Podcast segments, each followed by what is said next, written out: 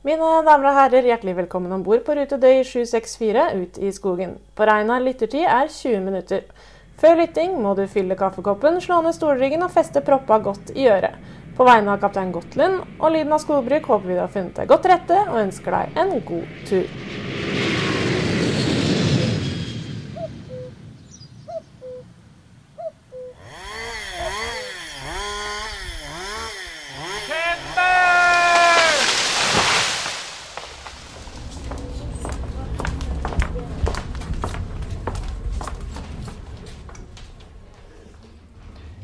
Hjertelig velkommen til en ny episode med Lyden av skogbruk. Jeg heter Britt Gottlund, og jeg er daglig leder i Kvinner i skogbruket.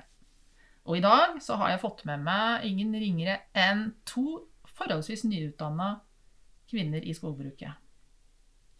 Og jeg gir først ordet til Gunvor. Hei, hei. Gunvor. Vært her før, jeg. Sitter i stua her før og spilt inn. Veldig bra. Velkommen igjen i dag, Gunvor. Takk, takk. Og i dag har vi med oss en ny gjest.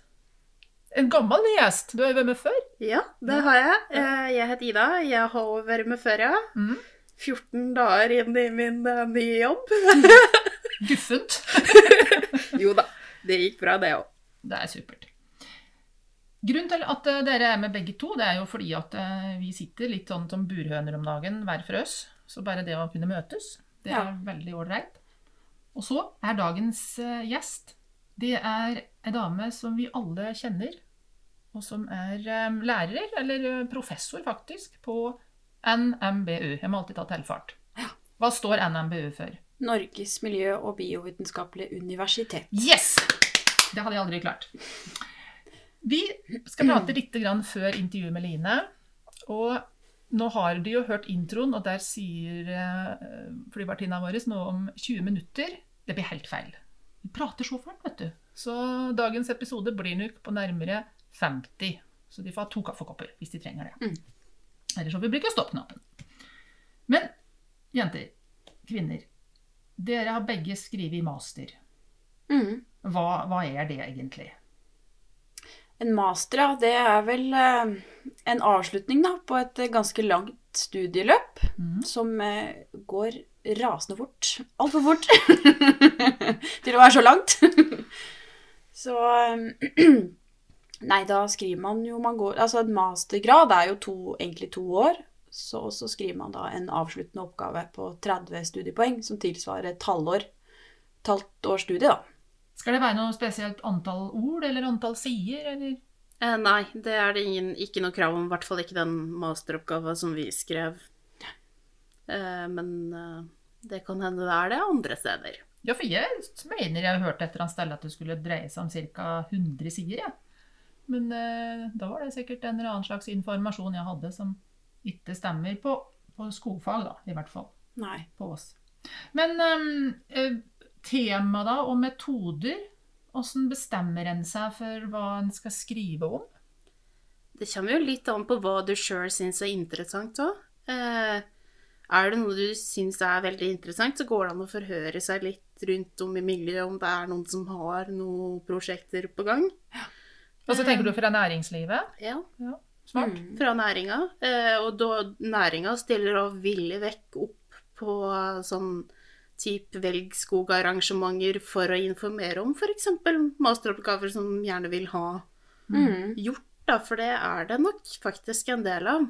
Mm. Eh, og så er det jo sånn at eh, NMBU òg har eh, ei liste med da forskjellige prosjekter som er gående, og så syns du det er noe som er interessant der, så kan du gå og se nærmere på det. Mm. Hva gjorde du da, Gunvor? Valgte du fra ei liste, eller fra næringa, eller?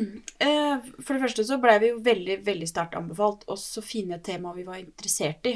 For du skal jo ikke bare sitte altså du skal jo sitte et halvt år og skrive dette her, men du skal jo også jobbe veldig mye med det i forkant. Du skal jo, i hvert fall når du skriver en sånn naturvitenskapelig grad, da, så skal du jo gjøre forskning i forkant, og du skal gjøre statistikk på det, og du må jo Du bør være litt interessert i det du velger, da. Så eh, jeg valgte meg egentlig ut en forsker på, på NIBIO som jeg har et ganske godt forhold til, som heter eh, Inger Fløystad. som jobber mye med granplanter da, mm. og den slags. Og for det syns jeg det har vært litt mitt interessefelt. da. Så jeg spurte henne om ikke hun hadde noe, noen eh, oppgaver da, som var eh, interessante, eller som det gikk an å, å ta del i. da. Mm. Og da, da. Og du sier du, bruker lang tid. Eh, Du bestemmer master, tema for master. Det gjør du da kanskje allerede i slutten på det fjerde året. Stemmer det? Mm. Det nikkes. Det er litt vanskelig på podkast. Ja. Ja, fint.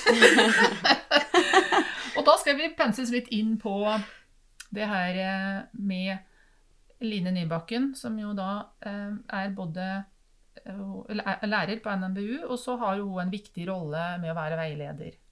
Og da, Jeg har aldri skrevet en masteroppgave, og det begynner å bli lenge siden jeg skrev eh, min bacheloroppgave. Så da spurte jeg jo der her i stad eh, velger en oppgave slik at den får den veilederen den vil ha, eller velger en oppgave og så tar den den veilederen som er ledig? Hvor viktig er veilederen?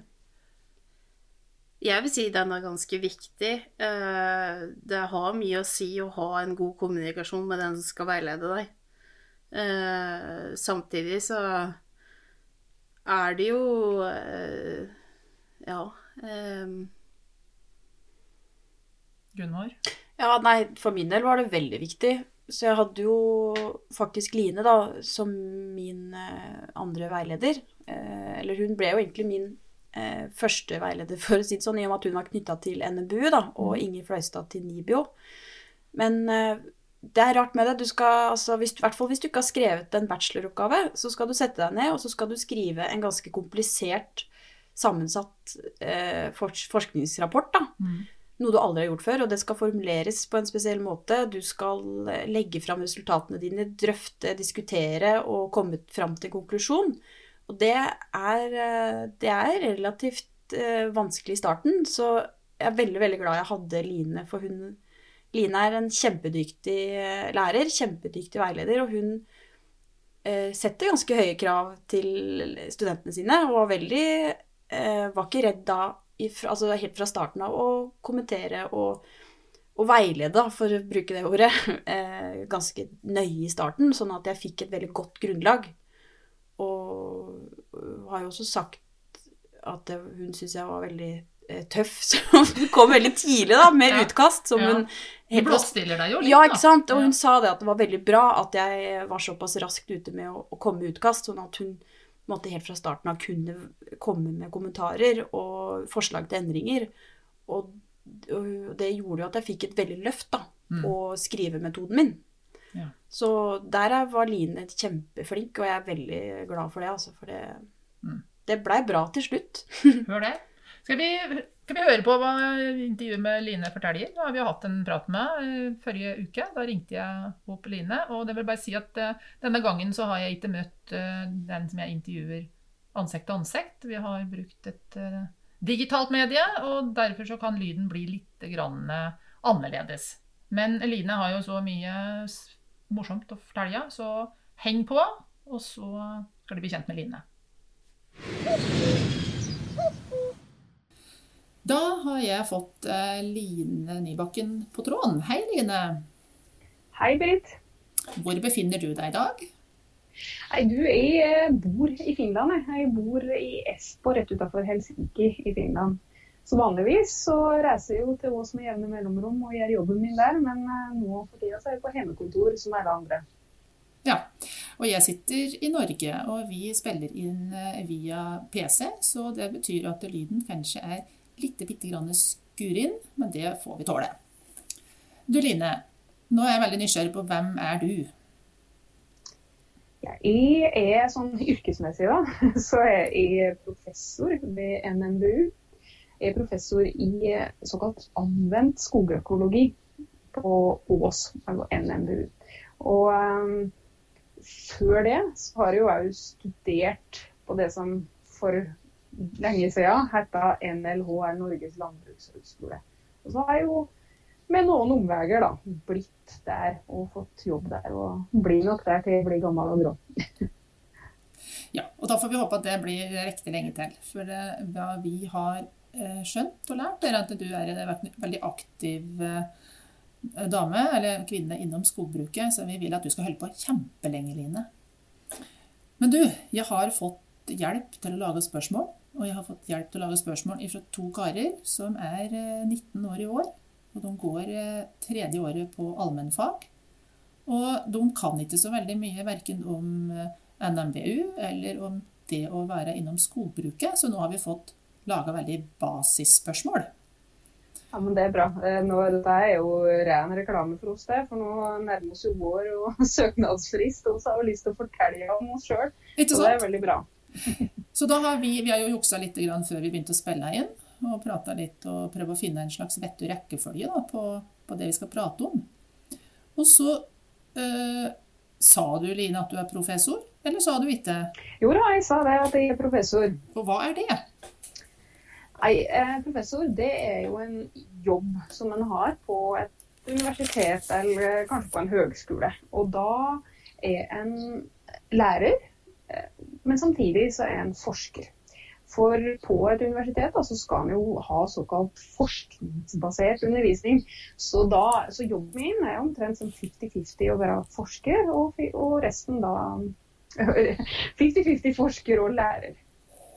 Ja, så en fordeling det der da mellom å lære seg mer og lære bort. Mm. Mm. Nå foregrep vi vel egentlig litt begivenhetene, da, men um, det er greit å vite hva en professor er. Og så, Men hva er NMBU, da? NMBU, Norges miljø- og biovitenskapelige universitet, eh, det er jo på Ås, tre mil sør for Oslo. Og det er et eh, ja, det var jo tidligere Norges landbrukshøgskole eh, og ble universitet i 2005. Da var det en sånn runde i Norge, egentlig. Da en eh, ja, den endra vel egentlig mm, loven for hva som kunne være et universitet. NLH det var det en kalte for en vitenskapelig høgskole før.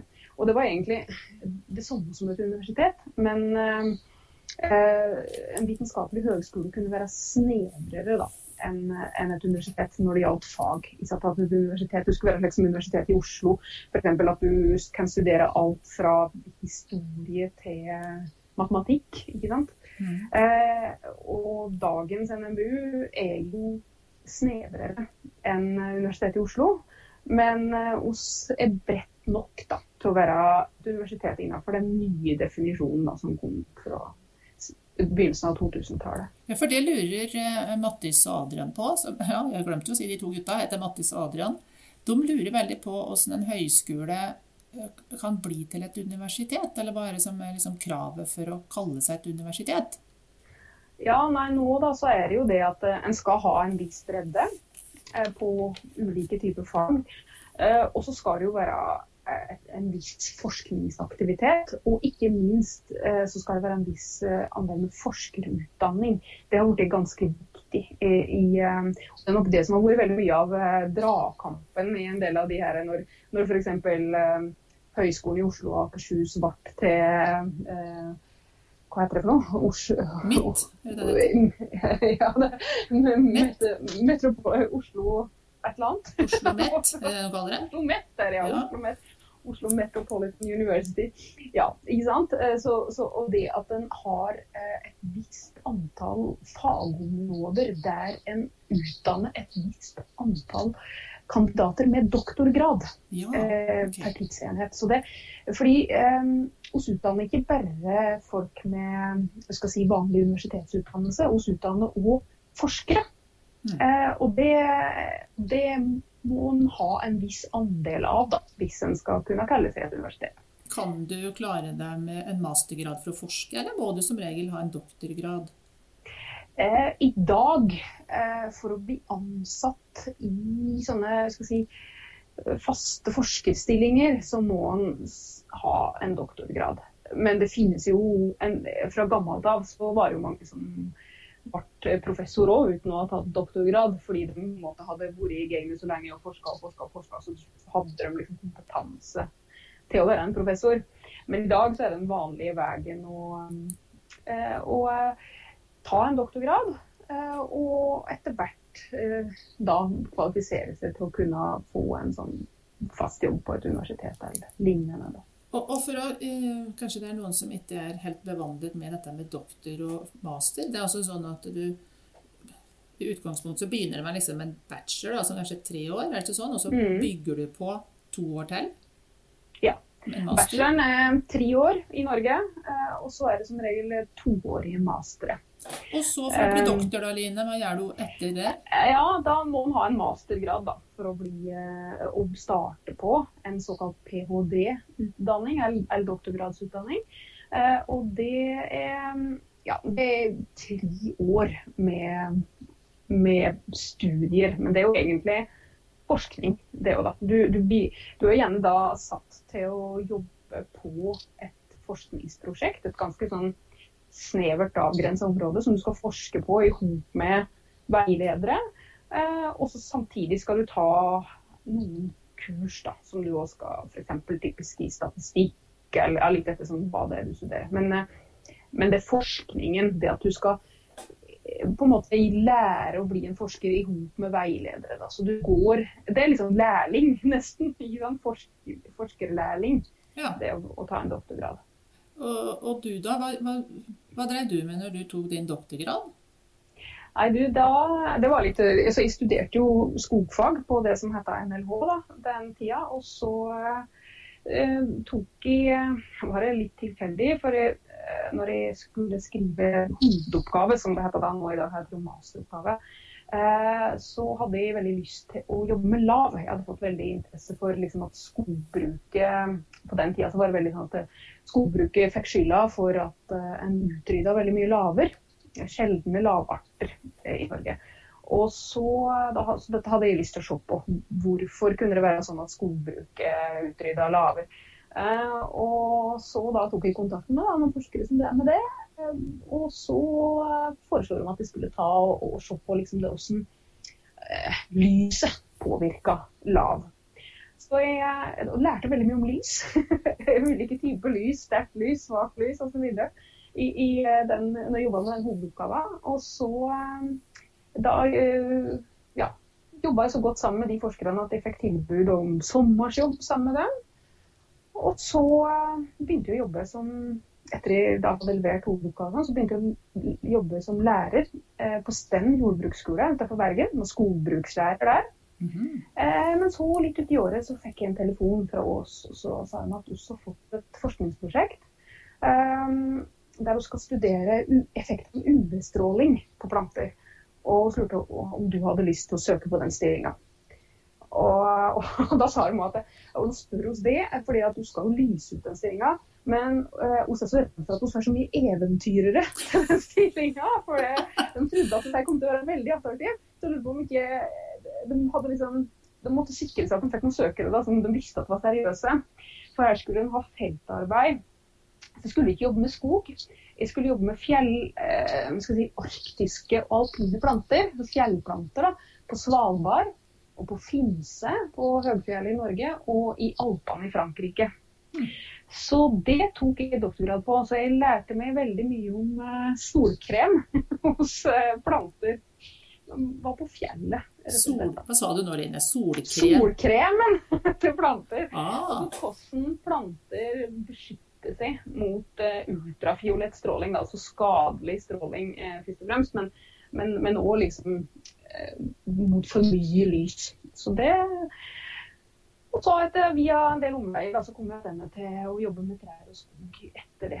Men eh, og nå kom jo jeg på noe som jeg ikke har pratet om før vi begynte å spille inn, men du har jo skrevet en artig artikkel om planters, nei, trærs sexliv. Ja.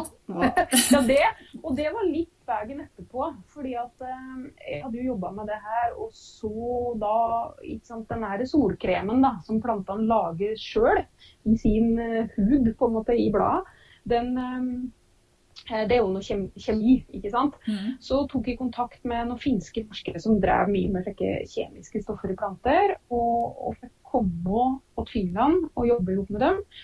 Og da gikk jeg litt av til treet, fordi forskerne jobba med, med treet. da. Så, og da, eh, i de prosjektene der, da begynte vi å jobbe med kjønn. Eh, For vi har jobba med flere av disse artene som eh, er såkalt dioike eller særbu. Det vil si at de har separate hann- og hotre.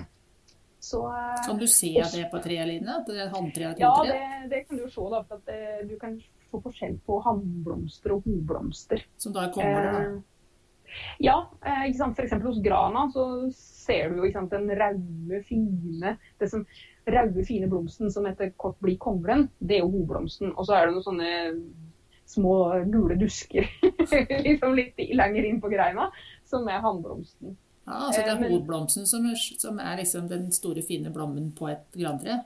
Ja. Ja. Eh, men, men, men ikke sant, hos osp, da, for eksempel, som er særbu, så er det eh, forskjellige trær. Da. Så hannblomster på noen trær og hoblomster på andre trær. Så, så vi forska liksom litt grann på hvordan hann- og hotrær av bl.a. osp da, eh, har ulike tilpasninger. Så der, eh, der kom sexen min. Ok. Ja, vi spiller jo på sex i denne verden, vet du. Så det, men Ja, ja. det er jo litt morsomt å Du får litt mer lyst til å lese en artikkel som heter eh, kanskje 'Trær til sexliv', da, en sånn eh, ukjønnet formering av, eller et eller annet. Ja, ja, det er litt sånn. Ja.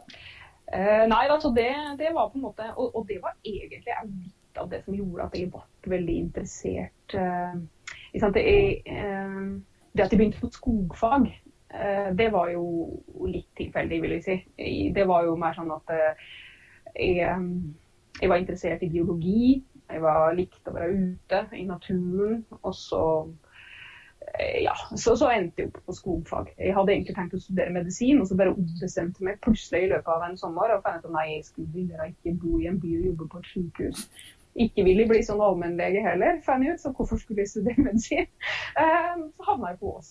Men det er jo, jeg, jeg syns jo jo det er deilig å høre, da, at det ikke er sånn at du bør være bestemme deg når du er tolv år, liksom, at eh, nå skal jeg bli skogbruker og ha vært eh, odelsjente i fire generasjoner. Og, for det, du har ikke Nei. noen sånn bakgrunn i det hele tatt?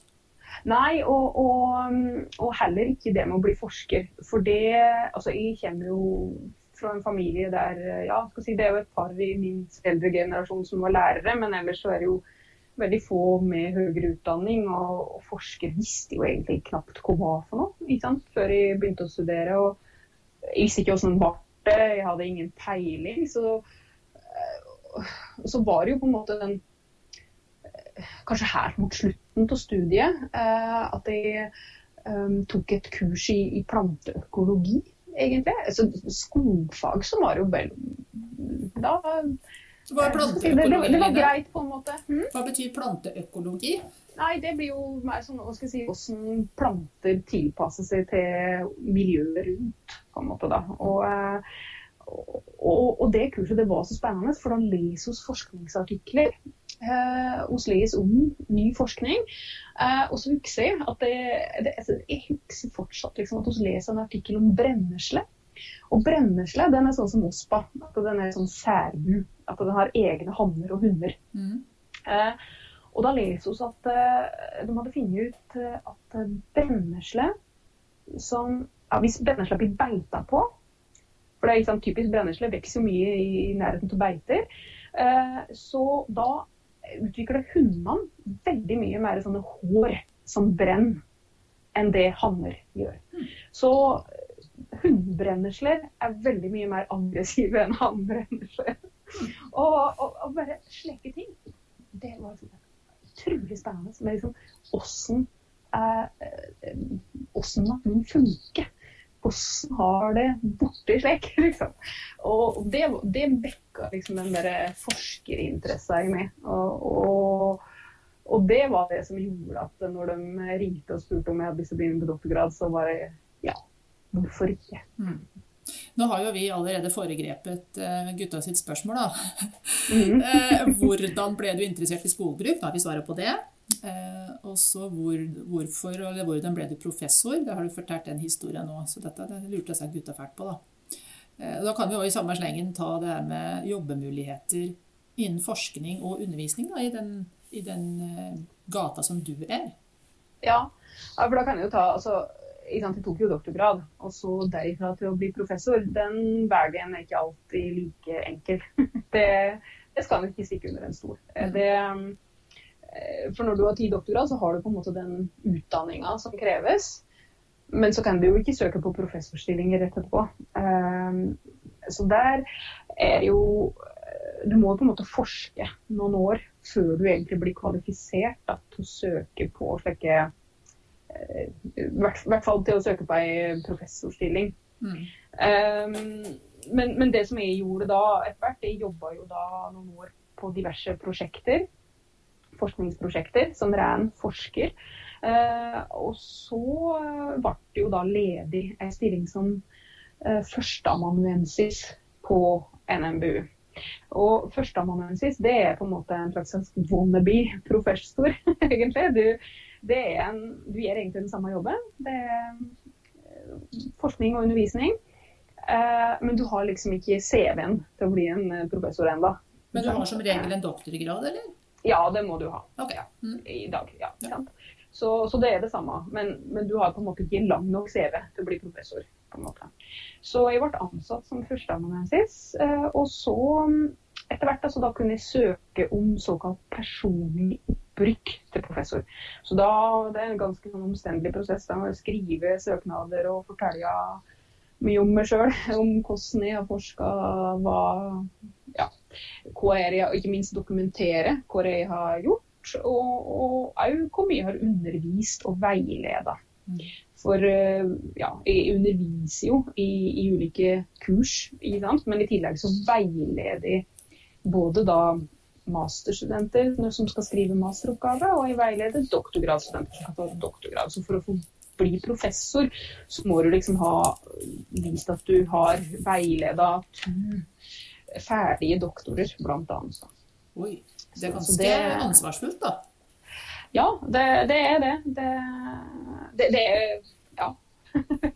Eh, så, så det er den derre universitetsgata, på en måte, da. Men så finnes det jo selvsagt forskerstillinger andre plasser eh, i samfunnet. eh, Der du gjerne ikke har undervisning, f.eks.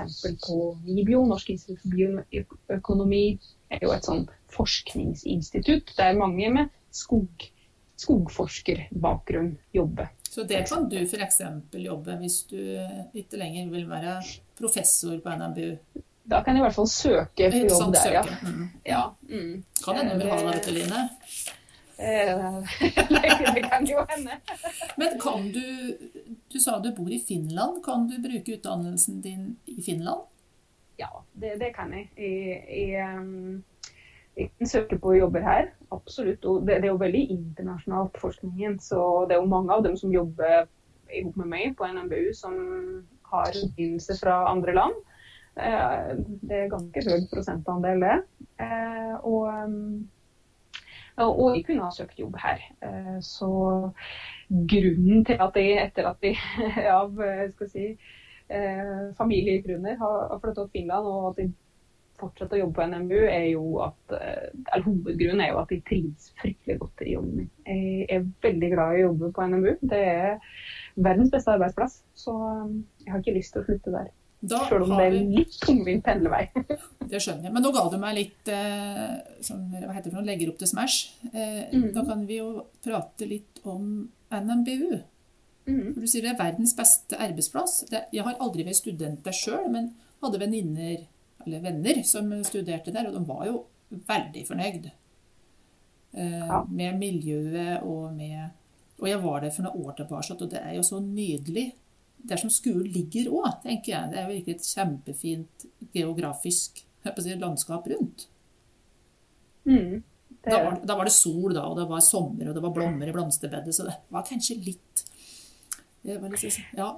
Men hva syns du, hvordan vil du beskrive liksom det fysiske miljøet på, på Ås, på skolen?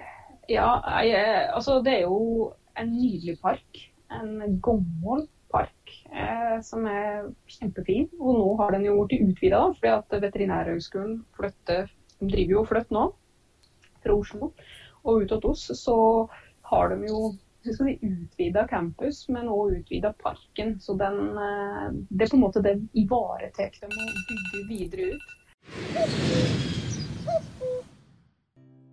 Ja, venter vi min stokken medan timmarna skrider Medan stjärnorna vandra och nätterna går Jag väntar på en kvinna från färdvägar vida Den käraste, den käraste med ögonblå Vi gjør som Dan Andersson. Vi venter på deg ved Anno Norsk Skogmuseum i Elverum.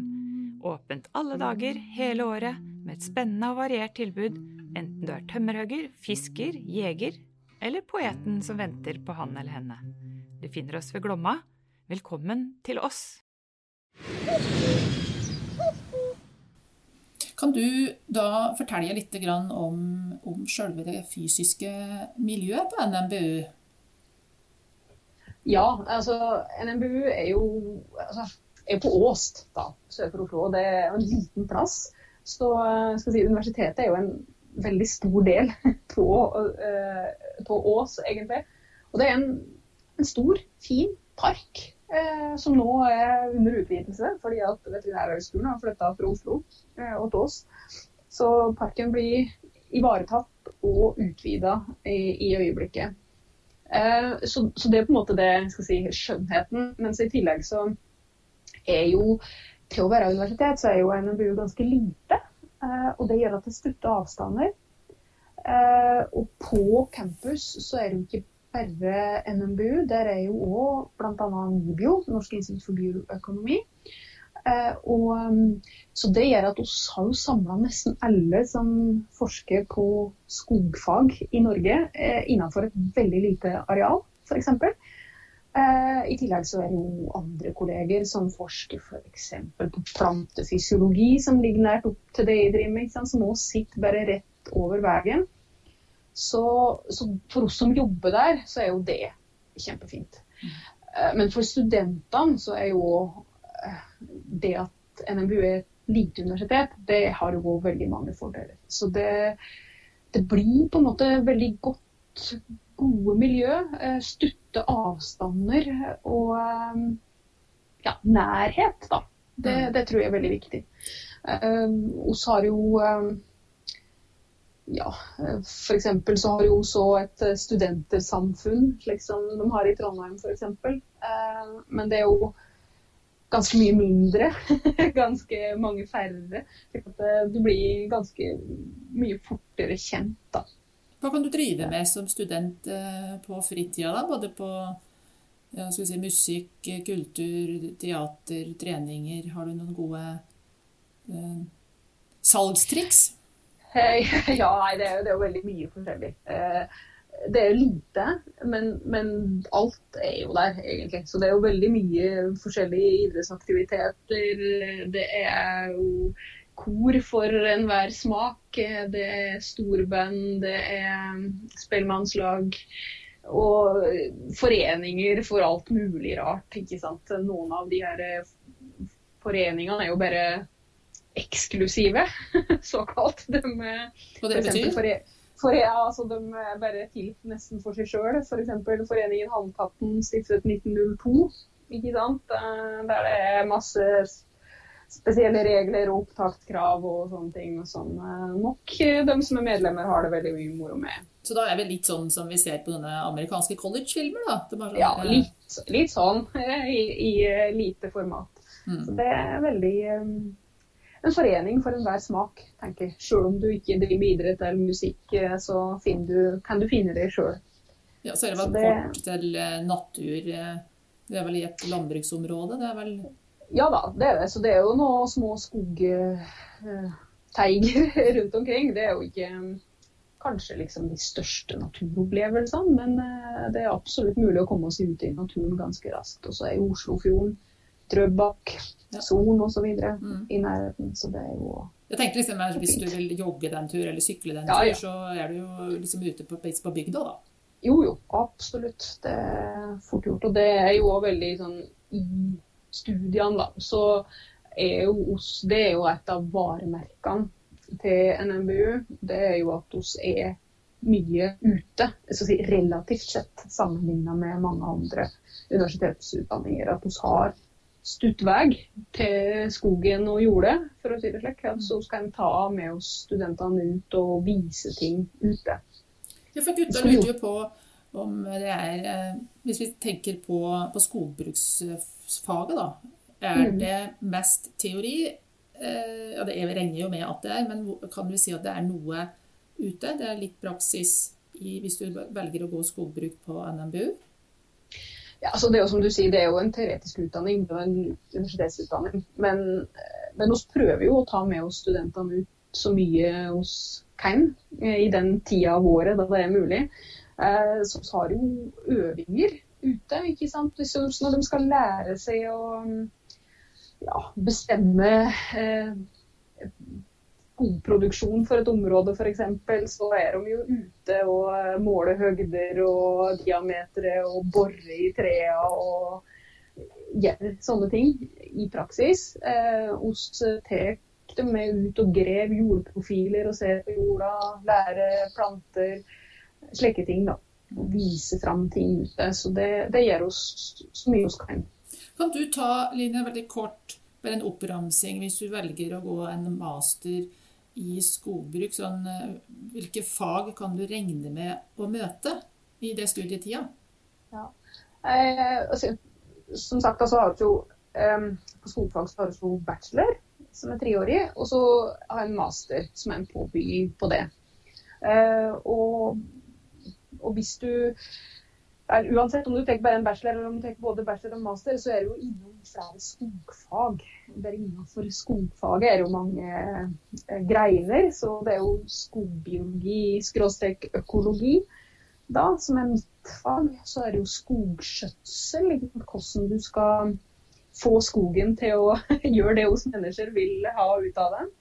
Um, F.eks. tynning, ungskogpleie osv. Så er det skogregistrering, som er jo det si, å gjøre registreringer i skog for å anslå f.eks. hvor hvor mye skog står det her, hvor mye vil den produsere, hvor mye karbon eh, produserer den skogen her f.eks.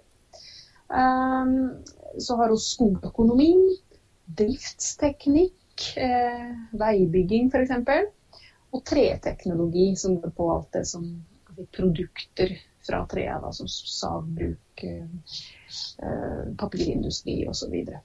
så det er jo alle de her skogfaga som alle studenter er innom, uansett om de tar bare bachelor og master. og så eh, begynner jo ikke sant, grunnleggende, og så kan du jo da, når du kommer litt ut i studiet, velge å ta mer og noe og mindre av andre ting. Men alle er jo innom alle de områdene her eh, på basisnivå. da.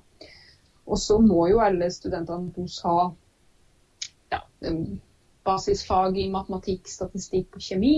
Og så har de jus, økonomi, eh, de er innom GIS og flere andre fag. De har jo ja, grunnleggende økologi eh, og jordfag osv. Nå så jeg tilfeldigvis at du hadde delt en eh, artikkel på Facebook om den beste masteroppgaven i 2020. Det var ei jente. Og så skrev du at eh, Hva var det du skrev? At åtte av de siste 13 beste hadde vært fra jenter? Eller hva, hva var statistikken der? Det var ganske mange jenter som hadde fått de beste masteroppgavene bakover i tid de siste åra. Ja, det stemmer. Og så samtidig er det ganske få jenter som studerer skogbruk. Er det ikke faktisk fortsatt sånn, Line? Jo da, det er, altså dette varierer jo fryktelig mellom år, da. Så hos eh, ja, noen år ikke sant, har det vært null jenter som har gått ut master skog på Ås. Eh, andre år så har det vært opp i en 30% Men sånn i snitt så ligger det kanskje rundt 20 Mm. jenter. Du Ser du noen eh, forbedring, eller er det bare sånn statistisk så ligger det på rundt 20% Ja, det Jeg, jeg syns det er veldig vanskelig å prate om trender. Fordi at det er stor, ja, at det er så stor variasjon, rett og slett. Da. Eh, At det, jeg kan ikke si at det har blitt noe mye bedre. Eh, Det, det var i, I høst så var det vel kanskje en ny rekord i antall jenter som ble tatt opp. Er det det fortsatt, Eh, eller? Ja, de fleste av dem er nok det. Dette, det er litt vanskeligere det der, for det er jo en del sånn byttestudieprogram eh, ofte i løpet av det første året.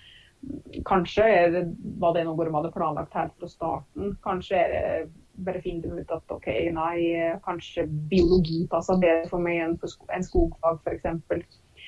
Eh, noen og noen kommer andre veien. Noen kommer fra f.eks. biologi til skogfag. Så det Ja, for der har vi jo et spørsmål eh, fra spørsmålsstillerne våre. Eh, nå har vi pratet mye om skogbruk, men eh, det finnes vel 48 andre ting du kan drive med på NMBU, er det ikke det?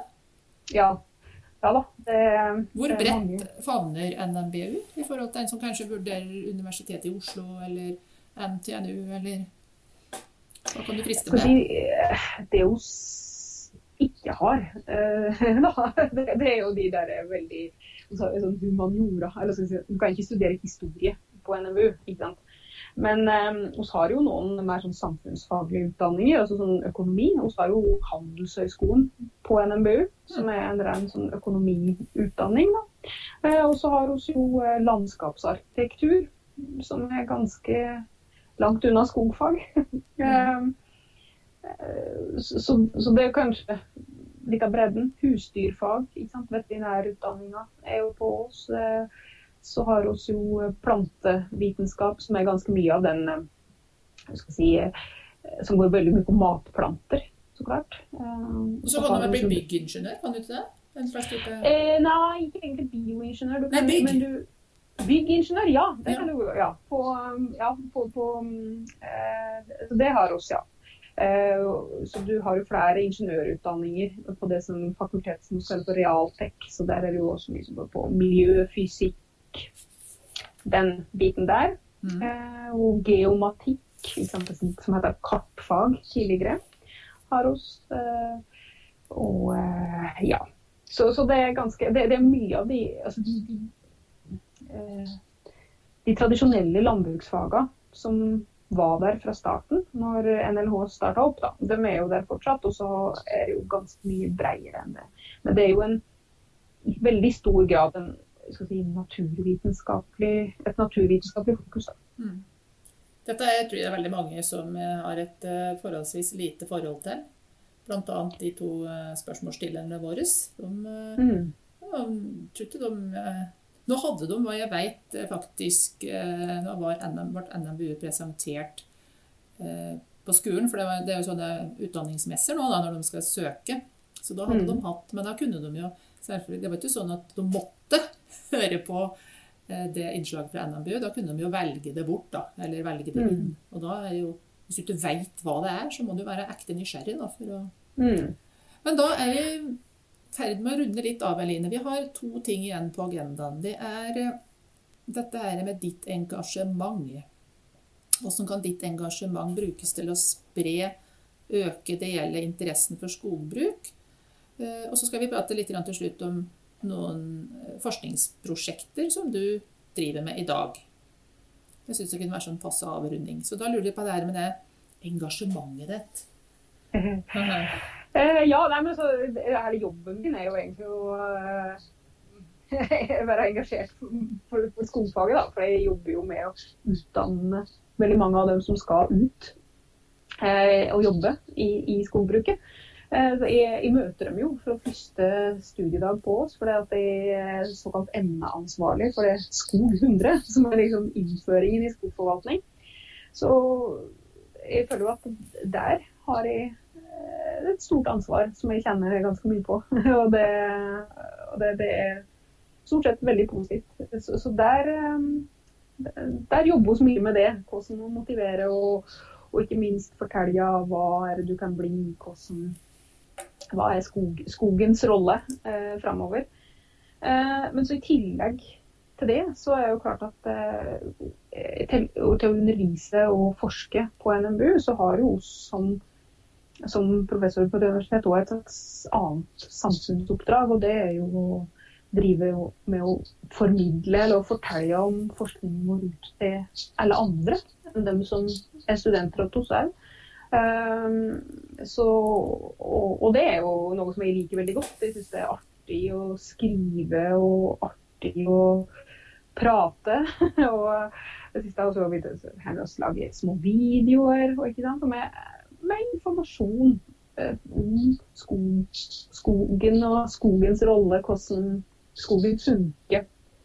Og fortelle litt om det vi forsker på. Så det, det håper jeg at den kan bidra til en bitte, bitte liten bit av det som skal til for å få folk generelt mer interessert i skog. Og Du var jo inne på vår temakonferanse i september når vi hadde den. og Du hadde jo et veldig artig, artig eh, innlegg, eller hva skal vi kalle det, foredrag om dette som skjer under bakken. Og Jeg har jo fått veldig mange tilbakemeldinger etterpå eh, fra de som lytta på. For det var jo en gruppe eh, tilhørere som jo ikke er på noe masternivå eller på noe doktorgradsnivå, men vi skjønte hva du mente. Ganske kompliserte ting du forklarte, og vi skjønte det alle sammen. Og da har han jo lykkes. Ja, og det, jeg tenker at det er jo noe av det som er det viktige. Da. At folk flest skal forstå mer av At vi ikke skal bruke så vanskelige ord at eh, det går inn av det ene og ut av det andre. på en måte. Det, da har du ikke lykkes, da, hvis det er sånn. Så det tenker jeg at det er ja, for at på en måte skal si, faktabasert informasjon skal nå mer fram i samfunnet, så må oss som sitter på den informasjonen, blir flinkere til å sortere om den på en måte som folk forstår, men også på en måte som engasjerer. Da. Da, så det, det, er en viktig rolle oss har. Eh, og det kommer du jo litt inn på, da. Det som du nevnte som forskningsprosjekt. For det som jeg prata om da, der på den temakonferansen, det var jo relatert til ett forskningstema som jeg skal jobbe med mye framover. Og det, det er mye prat om eh, klima og skogens rolle i klimasammenheng, og at skogen skal binde karbon. Eh, men så på den andre sida så er det snakk om biodiversitet, og at veldig mye av biodiversiteten vår, altså er veldig mange arter artene i Norge, de lever i skogen. Mm. Og hvordan skal disse tingene henge sammen. Så noe av det vi skal forske på de neste åra, er jo litt grann hva betyr eh, diversiteten av arter? Og først og fremst da arter nede i jorda. Alle disse smågreiene som bor nede i jorda og, og jobber med å si, dele opp eh, dødt materiale eh, til ny næring for trea. Eh, hva betyr liksom mangfoldet av de der for skogens evne til å binde karbon? Mm. Så Det er et stort forskningsprosjekt som jeg er med på, som skal gå nå de neste fire åra. Eh, så I tillegg så eh, jobber, eller har vi fått et forskningsprosjekt der vi skal se på ja, tørkestress hos gran. Vi ble jo smertelig klar over det etter sommeren 2018, at tørke kan òg være et tema i Norge. At denne grana som vil ha så mye vann, den kan få problemer. Det har en sett i, nedover i Europa. Ikke så mye problemer i Norge, men også har lyst til å prøve å ja, finne ut uh, litt grann, hvor er det eh, grana klarer seg bra, hvor klarer de seg dårlig, og ikke minst hvordan kan vi finne ut, hvordan kan vi plukke ut de områdene der vi kanskje ikke skal satse på gran i framtida, på en enkel måte. Så det, det er noe jeg er engasjert i. Og så er jeg òg veldig interessert i å se på eh, hvordan vi kan prøve å produsere mer robuste granplanter som skal ut i skogen. Disse er plantene som vi i dag lager i planteskolen, eh, og som veldig fort blir offer for snutebiler og eh, hjort og you name it ute i skogen, eh, kan vi klare å få dem til å tåle det livet i skogen bedre. Nå høres det ut Line, som du må stille opp på temakonferansen i 2021 nå. For nå prater vi akkurat er av de temaene. Det blir et webinar, da, så vi skal klare å få det til uansett om du er i Finland eller i Norge. Ja. Mm. ja det er jo et tema som vi har eh, hatt. Er ganske mange masterstudenter på det temaet. Så det er veldig artig å jobbe med. Det engasjerer folk. Mm. Og så gleder jeg meg veldig til at uh, du og jeg skal være på det samme prosjektet. da, og Vi skal være i gang med å forske på denne her prosenten som vi pratet om i stad, med kvinner i skogbruket.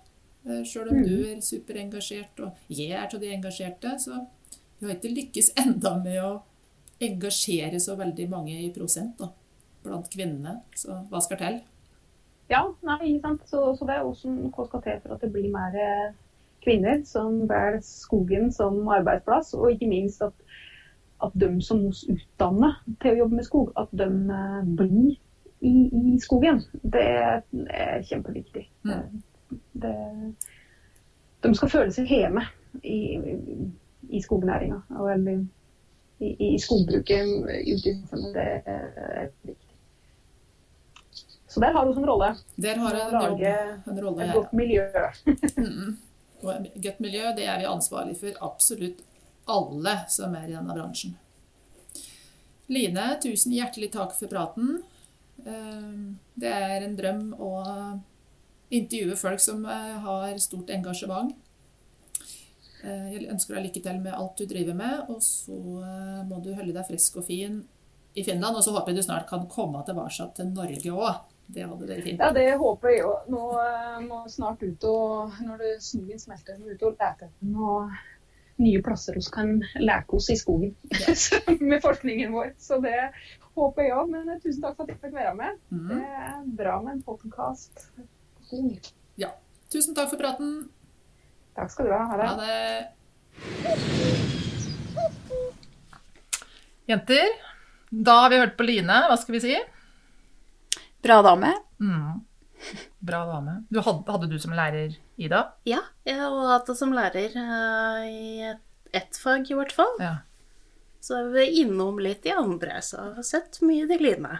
Og jeg er jo så heldig at uh, jeg skal ha et forskningsprosjekt sammen med Line og uh, noen andre veldig bra damer. Så jeg får se mer til Line. Eller ja, når får vi se Line? Det vet vi jo ikke, da. Nei, det var det, da. Ja. Håper at du får ta seg turen til gamlelandet. Ja. Så folkens, eh, da avslutter vi for i dag. Vi eh, takker for at dere har ført med. Og så ønsker vi hjertelig velkommen til eh, neste podkast, som da blir nummer 18 i rekken. Ha det bra! Ha det. Ha det.